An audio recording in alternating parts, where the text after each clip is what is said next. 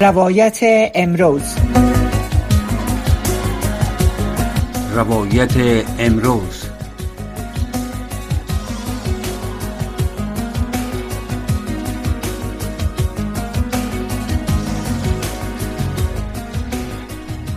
بینندگان محترم و شنوندگان محترم سلام.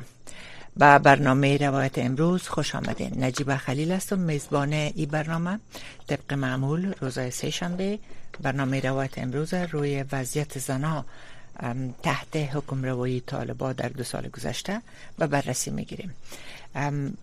اما که شما می‌دانین امروز دقیقا دو سال از به قدرت رسیدن طالبا در افغانستان میگذره.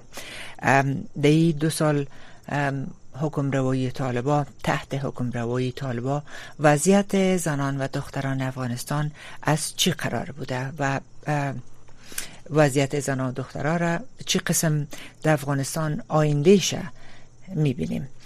برای بحث روی این موضوع ما از خانم محبوبه جمشیدی فعال حقوق زن دعوت کردیم که در برنامه باشن. خانم جمشیدی سلام به شما خوش آمدین به برنامه. سلام دارم خدمت شما و تشکر می‌کنم از شما. خانم جمشیدی صدا را میشنوین؟ بله دارم صدا شما بله. خوش... سلام دارم خدمت شما و شنوندای خوب برنامه شما. مهربانی کردین تشکر خوش آمدین به برنامه. تا جایی که ما آگاهی دارم شما به می تازگی ها البته رفته بودین افغانستان و دوباره برگشتین یک مدت. چی خوب است که از شما بشنویم که شما رفتین در نزدیک از نزدیک وضعیت زنها را دیدین در مجموع. وضعیت زنها و دخترها را در افغانستان چه قسم شما تعریف می‌کنین؟ ممنون شما. خوب جا داره که در نخست از تسلیت داشته باشم. دو سالگی اسارت و بربادی سارت مردم و بربادی سرزمین خود خدمت هموطنان عزیز. خود مخصوصا برای زنان شجاع و دلیری که واقعا سینه سپر کردن و ایستادن در مقابل این همه نابرابری و در ثانی می‌خوایم دعای داشته باشیم که سرخی و سرفرازی رو برای زنان سرزمین خود آرزو دارم آزادگی برای خاک پاک وطن خود آرزو دارم نابودی و سرنگونی برای دشمنان سرزمین خود و شرمندگی برای دنیایی که دم از دفاع حقوق بشر و دموکراسی می‌زنه. ولی کلا گوشکر و چشم کار خود از طرف افغانستان کرده. خب به ارتباط سوال شما بحث وضعیت بله من به تازگی برگشتم از افغانستان. به خاطر دیدن فامیل رفته بودم. خب وضعیت در کل در افغانستان چیزی که من دیدم در دقل در محدودی که من مدت بودم سفری کردم مثل از این میمانه نجیب جان که وقتی شما به کوچه و بازار میرین بیرون میشین مثل از این که تمام مردم که می‌بینیم که در این مسیر رفت آمد دارن مثل مرده هایی هستن که فقط حرکت می‌کنن. و هیچ شما حس در وجود از اونا نمی‌بینیم که اونا امیدی به زندگی داشته باشن یا دارن زندگی می‌کنن. مخصوصا زنای سرزمین. یعنی باور بکنیم که محروم ترین و بدبختترین نسل روی زمین هستند. دخترای جوان که دروازه بروی بسته دروازه پانتونا دروازه مکاتب هم بروی بسته دروازه کار حتی شغل خیلی خورد و ریزی که زن می‌تونی حداقل یک لغمنان حلال بر طفلا خوبه برای یک لغمنانی که زن سرپرست خانه بود همورم از اونا گرفتن. آخرین تجربه تلخ هم زمانی بود که اینا آرایشگاه ها رو بسته کرده بودن دستور داده بودن و من قبل از آمدن خب یک روز روز با یک خانمی که آرایشگر بود صحبت کردم. اشک از او دیدم هیچ فراموشم نشد که می‌گفت خب این دروازه رو ما بسته کنم باید به طفلا خود بدم. و کلا شما ببینیم دیگه وضعیت در این حال اول بعد اقتصادی خراب فقر به اوج رسیده فشارهای مضاعف روز به روز به مردم وارد میشه. نمیشه گفت زندگی هست. فقط دارن روزار سپری می‌کنن. خانم جمشیدی شما اشاره کردن که خانم ها مخصوصا در, در مجموع مردم گفتن که وضعیتشان خوب نیست مخصوصا خانم ها حالا این خانم هایی که خودشان دیگه سرپرست ندارن مرد در خانوادهشان نیست که کار کنه و خودشان یگانه نانآور خانواده خود بودن که به خاطر گفته که شما گفتین یک لقمه نان برای اولادای خود برای فرزندای خود تهیه کنن. وقت دست از اینا از کار گرفته شده خب البته قبل از اینکه آرایشگاه مسعود شود دیگه در گذر... یعنی پیشتر از او دیگه نهادهای که خانم ها کار می‌کردن دستشان, دستشان از کار گرفته شد. اینا چه قسم زندگی خود پیش می‌برن خانم جمشیدی؟ گاهی که فکر می‌کنیم اصلا گنجایش نداره از که آدم خواسته باشه با خود خود بشینه تحلیل بکنه که زندگی چگونه جریان داره در افغانستان. باور می‌کنین که ما چشم دید ما هست کسایی که صاحب کار بودن تحصیلات داشتن. و اینها همگی امروز در حالت به سر می‌برن که دست دیگری از اینا در آورد. من به چشم خود که فقط عذر می‌کنن که یک چیزی که ما حداقل بتانیم که به خانه ببریم که امتفلای ما از گوشنگی تلف نشن. با خانه ها میاین مراجعه می‌کنن عذر می‌کنن که ما هر کاری شما خواسته باشیم در داخل خانه شما پاککاری نظافتکاری هر چیزی که بگیم ما انجام میدیم. او کسایی که یک مقدار تشدی خوب هستند فقط لطف بکنیم همه قدر بر ما بدیم که حداقل نان که سپلای مار بشه. کلا افسردگی به اوج خود رسیده. زنان مریض حال افسرده در کنج خانه ها طفلا گرسنه وضعیت. کلا چیز دور از حق گمان از آدم فکر کنه روی از فکر بکنه. یعنی دور از من فکر می‌کنم که یعنی در هیچ جای دنیا کسی نمی‌تونه همچون یک وضعیت حداقل برای ده دقیقه تجسم بکنه و فکر بکنه چی که در بین از بحران زندگی بکنه. پیش از که سوال دیگر از شما بپرسم البته من می‌خوام ایره بفهم که وقتی این مدتی که در رفتن کابل دوباره دیدین وضعیت به سر چشم به اصطلاح. آیا شما طور با, با طالبا سر خوردین کس را دیدین؟ مخصوصا در قسمت در قسمت از مقاماتش که اینا چرا چنین وضعیت یعنی ازشان پرسیدین که چرا چنین وضعیت جریان داره در افغانستان؟ واقعیت بگم نجیب جان نه من با هیچ کدام از این دوستم نداشتم علاقه مندی هم نداشتم چون پاسخ از این مردم بر تمام جهان مشخصه که پاسخ از اینا چی هست. اما خب بدل ماده هم پاکشاری روی از داشتن که دخالت نکن چون خود شما می‌فهمین که وحشت که اینا برپا کردن کسایی که در اونجی هستن می‌تونن این بفهمن که در چی در چی حد هست. من متاسفانه نه با کدام مقامی از اینا روبرو نشدم که می سوال از اینا داشته باشم. اما در کل فقط شاهد وضعیت بعدی بودم که در داخل کشور مجریان داشت مخصوصا زنان و روی دخترهای جوان. بله. خانم جمشیدی شما خب البته وقتی که در افغانستان بودین بسیار فعال بودین. برای که در شبکه زنا کار می‌کردین ریاست چه به عهده داشتین؟ شما بسیار ما یادم است که با امرای شما صحبت می‌کردم به خانواده ها رسیدگی می‌کردین مشکلات خانواده ها را حل می‌کردین. آیا با او کسایی که شما سر کار داشتین در او زمان و اونا دیدار کردین؟ وضعیت از اونا از چه قرار بود؟ چی می گفتن بله من با تعدادی از دوستا البته یک چیز خب باید من یاد یادآور باشم که نجیب جان از تعداد کسایی که ما منوان زنان فعال که بودن که من میشناختم در هرات که رفتم این دفعه بله. من تعداد بسیار اندک از اینا در کشور مانده. خب. با کمال تاسف با کمال تاسف تمامی ظرفیت ها بیرون بیرون شدن از افغانستان. این یک تبایی است که این ای تا صد سال دیگه هم کسی نمی‌تونه ترمیم بکنه. بله. که دفتن کشور خالی از تمام ظرفیت ها شده. و تعدادی که مانده بودن در اون ما با اونا که صحبت کردم و شیشتم باور بکنیم خانمای جوان دخترای جوان اصلا فکر می‌کردی که این آدم همین لحظه که همینجا شیشته هست شاید تا دو دقیقه دیگه ای گمان از این نداشته باشه که این زنده باشه و زندگی کنه. اللحاظ روح روانی اینقدر وضعشان خراب بود.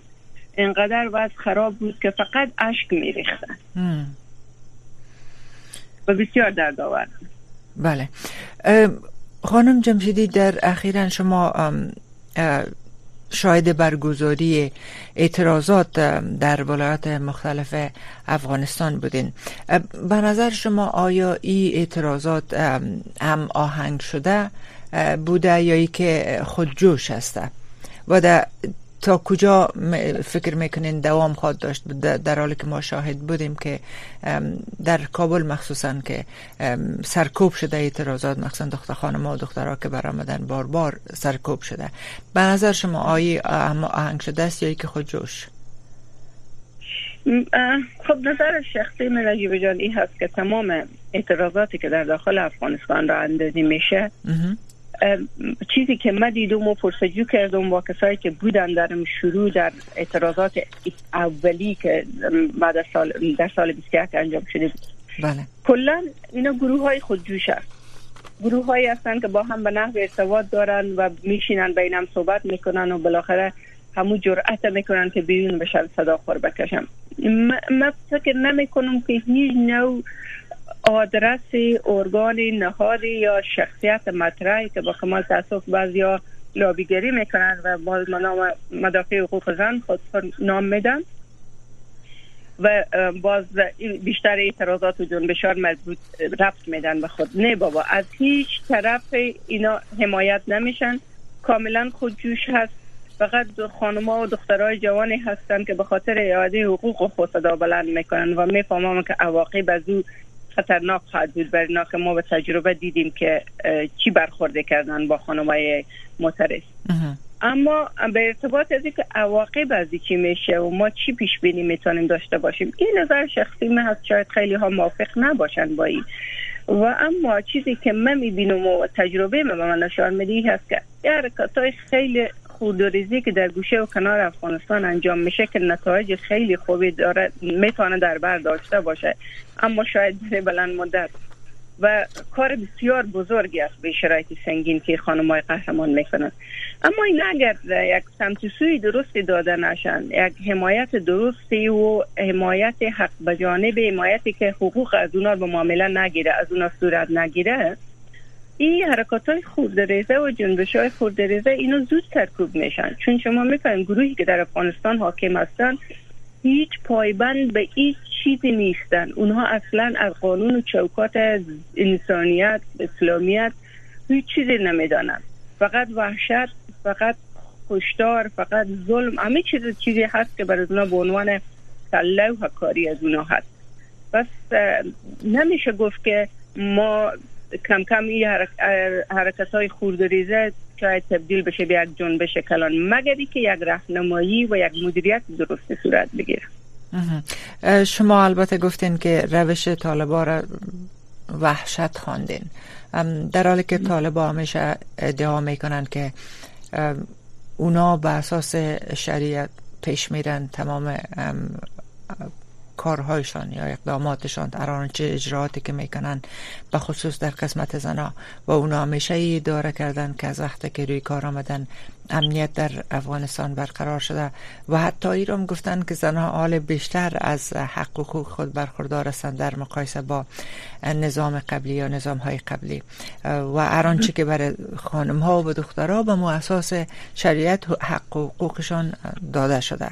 البته ایره همیشه اینا طالبا میره که امروزشان صحبت کردیم همین مسئله را گفتن ولی با اتکا به سخنان شما که گفتین چرا فکر می‌کنین که طالبا با وجود فشارهای جهانی که برای رعایت حقوق بشر حقوق اقلیت ها به خصوص حقوق زنا و حتی به می دلیل طالب رسمیت هم شناخته نشدن. یکی از دلایل که طالب رسمیت شناخته نشدن. چرا اینا اطوری که ادعا میشه روز به روز به جایزی که شرایط بهتر بسازه برای خانم ها زیقتر و محدودتر می‌سازن؟ چی از دلیلش به نظرتان؟ خب ما اجازه بدیم که به می پاسخ از سوال شما یک کمک مفصلتر بپردازم. امیدوارم که فرصت زمان داشته باشه. بفرمایین بله, بله. اول شما بعد از این گفتیم که طالبان ادعا می‌کنن که امنیت از حقوق شرعی زنان رعایت شده.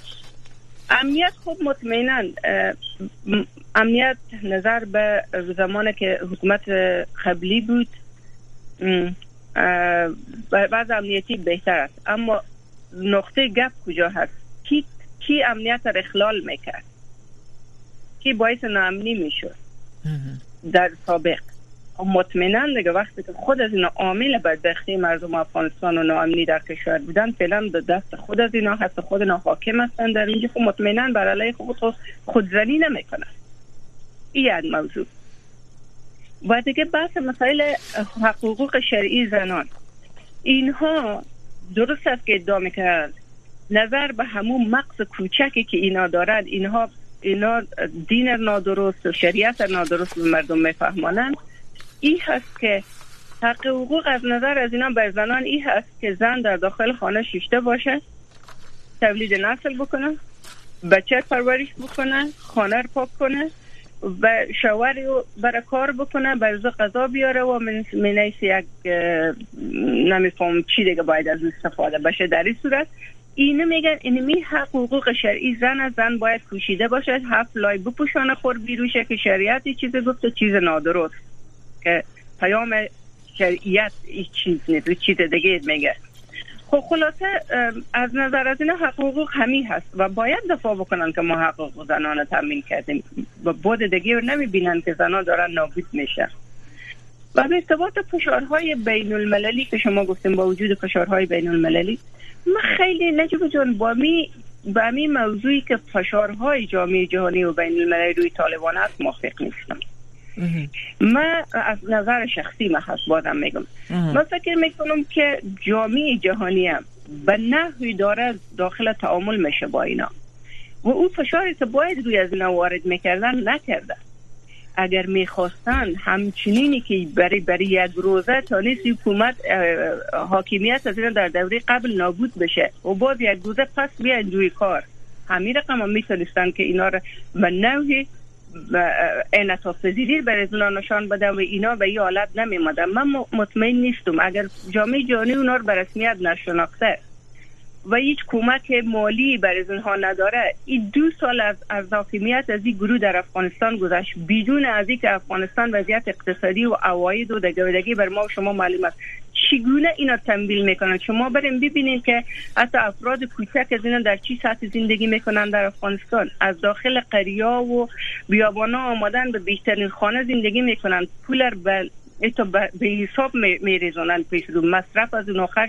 اینا از کجا میشه؟ حکومت از چرا به دو سال دوام کرد بدون هیچ چیز؟ این چیزایی که در خفا انجام میشه. ما فکر می‌کنم خود از یک شکل یک پروژه هست. ای که چرا فشارها را وارد می‌کنن اول خب من به نظرم که این یک یک پروژه است که ما نمی‌فهمیم عاقبت از چی هست و نتیجه از چی میشه. دلایل هست چیزهای پیش بینی میشه که حال وقت برنامه زیق هست که چی باید بشه. و اما این فکر بکنم به شکل یک, یک برنامه از قبل رخته شده که باید سختگیرانه افراطی دور از قانون بشریت باید این فشارها به روی مردم افغانستان آورده بشه شاید تا شاید درس عبرت برای بقیه جهان باشه. خب ما همیشه یک چیزی بودیم که ما مردم افغانستان که همیشه تحت ظلم بودیم و همیشه به نحوی ما امتحان شدیم. و موضوع دیگه فکر می‌کنم طالبات در یک بود دیگه نقطه وصل خور با جهان فشار روی زنان میدنن چون که می‌فهمم تمام جهان فوکس داره روی زنان. در اینجا هست که اینا ادعا دارن که هر چی فشار بیشتر روی زنان بیارن اینا برای این باور هستن که بیشتر می‌تونن به جامعه جهانی نزدیک بشن. اما خب من خیلی مطمئن به این نیستم که بالکل گیریم که می دروازه های مکاتب برم طالبا باز کردن به چی شرط؟ به چی شرایطی؟ تحت چی شرایطی؟ بله. خانم جمشیدی شما به چند مسئله اشاره کردین که یکی گفتین که پروژه ای و گفتین که خب در پروژه و گفتین که شرایط سخت گیرانه را اینا می‌خواین همطور که به بقیه جهان درس عبرت داده شود.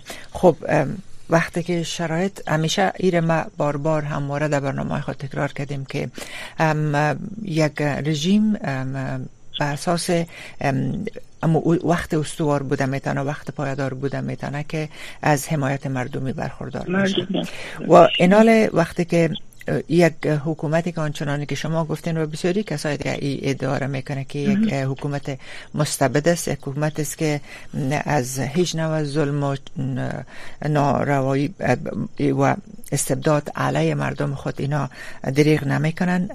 و نصف قشر جامعه را که خانما تقریبا 20 میلیون نفوس افغانستان اینا در انزوا قرار دادن و میال شما گفتین که اینا مردمی که شما دیدین که در جاده ها میگردن مثل مرده های متحرک گفتین به اینا میمانن.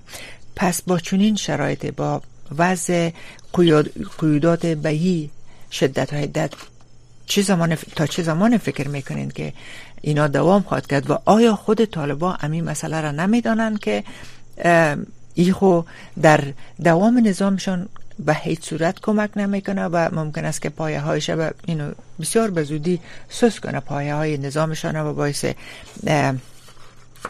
حتی از بین رفتنشان شوه شما فکر می‌کنین که طالبان این مسئله را نمی‌فهمند درک نمی‌کنن و فکر می‌کنن که با اینمی شکلی که ادعا میشه و گفت شما هم گفتین اینا می‌تونن که دوام کنن خب دقیقا نه. ما بحث پروژه رو گفتم همین هست. وقتی که به شکل یک پروژه خب ما شما معلوم است پروژه مدت زمان خود خورداره آماده شده باشه که مو زمان از به ما معلوم نیست که تا چی وقت آیا مثل دور قبل 6 سال آیا کمتر یا بیشتر و شاید احتمالات میده که بیشتر از بدن خب چون او فکر می‌کنیم با 6 سال نتونستن خب تمام تمام جزئیات پروژه تطبیق بکنن و این دفعه داخل جزئیات شدن. بسیار اساسی و بنیادی دارن دیشار خراب می‌کنن. خب اینا مطمئنا برای حکومتداری و بقای حکومت در اینجا نیامده این نظر من هست که من مطمئن هستم. اونا همون مدت زمانی که برای در نظر گرفته شده امور می‌خواین و که رضایت مردم در بقای حکومت رضایت ملت در بقای حکومت خیلی تاثیر گذاره این بدون شک بدون شک این ثابت شده. اما اینها که با مردم نیستن اینا خب به خاطر خیر و صلاح مردم نیامدن اینجا که اینا خب اینا خب به خاطر وطن پرستی و به خاطر خاک وطن نیامده. اینا بر بربادی آمده. وقتی بر بربادی آمدن می‌فهمن که ظلم هم طولانی نخواهد ماند. و از طرف دیگه شما متوجه باشیم که بار بار خود مقامات طالبان این موضوع گفتن. امروز من دقیقا چند دقیقه پیش من یک ویدیوی دیدم از دبیلای مجاهد با یکی از خانمای لاویگر که با او صحبت داشت و می‌گفت که ما همه موافقیم بر باز شدن دروازه های مکاتب. اما ما منتظریم که تا علما چی میگن. خب تو هم خور عالم میگی و با تو منتظر کدو عالم دیگه هستی که به تو نظر بده؟ بلندترین شما نیم. هر وزیر هر وزارت خانه از ادعا می‌کنه که ما مخالف نیستیم با مکاتب با دست خواندن دخترها. اما ما منتظریم که تا ملاها چی میگن؟ علما و قول از اونا چی میگن و رهبر ما چی میگن؟ ما رهبری که وجود نداره. خب بفهمین وقتی خود از اینا آله هستن خود از اینا کسایی هستن که اینها به نحوی از حالت از اینا استفاده شده اینا قربانی شدن. و روزی که تاریخ از اینا ختم بشه اینا یک دفعی نابود میشن. و امی گپ شما را البته با تایید گپ شما امی چیزی که گفتین من می‌خواستم ایره بپرسم که می‌خواستم ایره بگویم که در بین خود طالبا هم دو دستگی در این مورد موجود است که بسیار ما شنیدیم از آدمای چیشان در سطح بالایشان آقای شیر محمد عباس استانگزی موین وزارت خارجه حکومت طالبا آقای ساحل شاهین که در دفتر مسئولیت دفتر قطر به عهده داره و همچنان نماینده طالبا که باید در سازمان ملل کرسی برشان داده شود که طالبشان داده نشده. آقای زبی مجاهد که خب شما گفتین خودشان علماست اما اونا سخنگوست. تنها سخنگوی طالبان است. اونا در سطح یا در رده تصمیم گیری قرار ندارن. و بدون شک امی کسایی را که نام بردم اینا کلشان طرفدار از امی بازگوشای مکاتب است که مکاتب باید مکاتب دخترها بالاتر از سنف شش باز شود. و اما طوری که گفتم شما اشاره کردین که گفتن در سطح رهبریت اینا منوز تصمیم نگرفتن. تا بسیار زمان می‌گفتن که باید سر یک سلسله نصاب درسی باید کار و میکانیزم هایی است که باید روی زو کار شود و او یک مدت وقت زمان در بر می‌گیره. از او خاطر. یعنی هدفی است که اونا هم اتونیست که تمام طالبا مخالف درس و تحصیل خانم ها باشه. شما ایره فکر می‌کنین که امی واقعا دو دستگی موجود, موجود هست؟ واقعا ایره امو رهبراش رهبرانشان یا رهبرشان این تصمیم می‌گیره؟ یا ای که پیشتر گفتین که یک پروژه است و ای بر از اینا به تفاوت است و شاید تصمیم گیر در جای دیگه باشه. حتی بسیاری کسا ادعا می‌کنن که این تصامیم از طرف خود حکومت طالبا گرفتن همیشه در خارج است از افغانستان تصمیم گرفته میشه من قسمت آخر سوال شما به اول جواب بدون که بله ما هم موافق هستم که این تصامیم در داخل افغانستان به هیچ صورت گرفته نمیشه. و من بی باور هستم. و بحث دیگه صحبت شما که به ارتباط موضوع اما ببخشم از سوال فراموش مک... مک... که طالبا یک تعداد زیادشان بله. طرفدار ازی هستن که مکاتب بله باشه بله دو دستگی بحث دو دستگی بود بله, بله. دقیقا دقیقا این موضوع هست. این موضوع هست که همه حال هم مخالفت ها زیاد است. بین تنش بین اینا زیاد است. و از این خاطر یک یک تعداد میگن وقتی که از خود خود خود به نحو براعت میدن و میگن ما منتظر نظریات دیگه علما هستیم به قول خود اینا یعنی منظور از اون طرفی هست که مخالف است یک گروه بسیار سرسختانه و تندروانه پیش میرن. یک گروه دیگه یک مقدار مازیگری اینا تغییر کرده. بعضی ها آدم میشنم صحبت های بعضی وقت انعطاف پذیری دارن در صحبت ها خود کمی با نرمش هستن اما گروه دیگه به شدت که می‌بینین که حتی امروز یک تصویر کوچکی حتی از یک حیوان بروی در دیوار می‌بینن حمله می‌کنن دروازه مردم میشکنن دکان های نار میشکنن که چیزی تصویر آویزان است در اینجی گناه هست بله. خب فکر کنیم شما که در کجا هست. اما بله, بله دو دستگی هست. بله. شاید همی شدت پیدا بکنه این دوستگی. بله. البته خب ما حتی پیت شنیدیم به غیر به صورت غیر مستقیم که گفته شده که یک تعدادشان حتی به باور هستند که امی که مکاتب دخترها مسدود است دانشگاه مسدود است خانمادشان از کار گرفته شده. اینا ایره درک می‌کنن که ای بن صد درصد به ضررشان تمام میشه. اتر گفتام شده. یعنی مستقیم نی مگر به شکل که خودشان معلوم دار ای گپ نمی‌زنن در در برابر پرده تلویزیون یا در برابر کمره اما ای به ای معتقد هستند. برحال فکر می‌کنم که در لحظات آخر برنامه رسیدیم. خانم محبوب جمشیدی فعال حقوق زن یک جان تشکر از وقتتان. سلامت باشین. انشالله در برنامه آینده بازم با شما خواد بودیم. محبت داریم خداحافظ خداحافظتان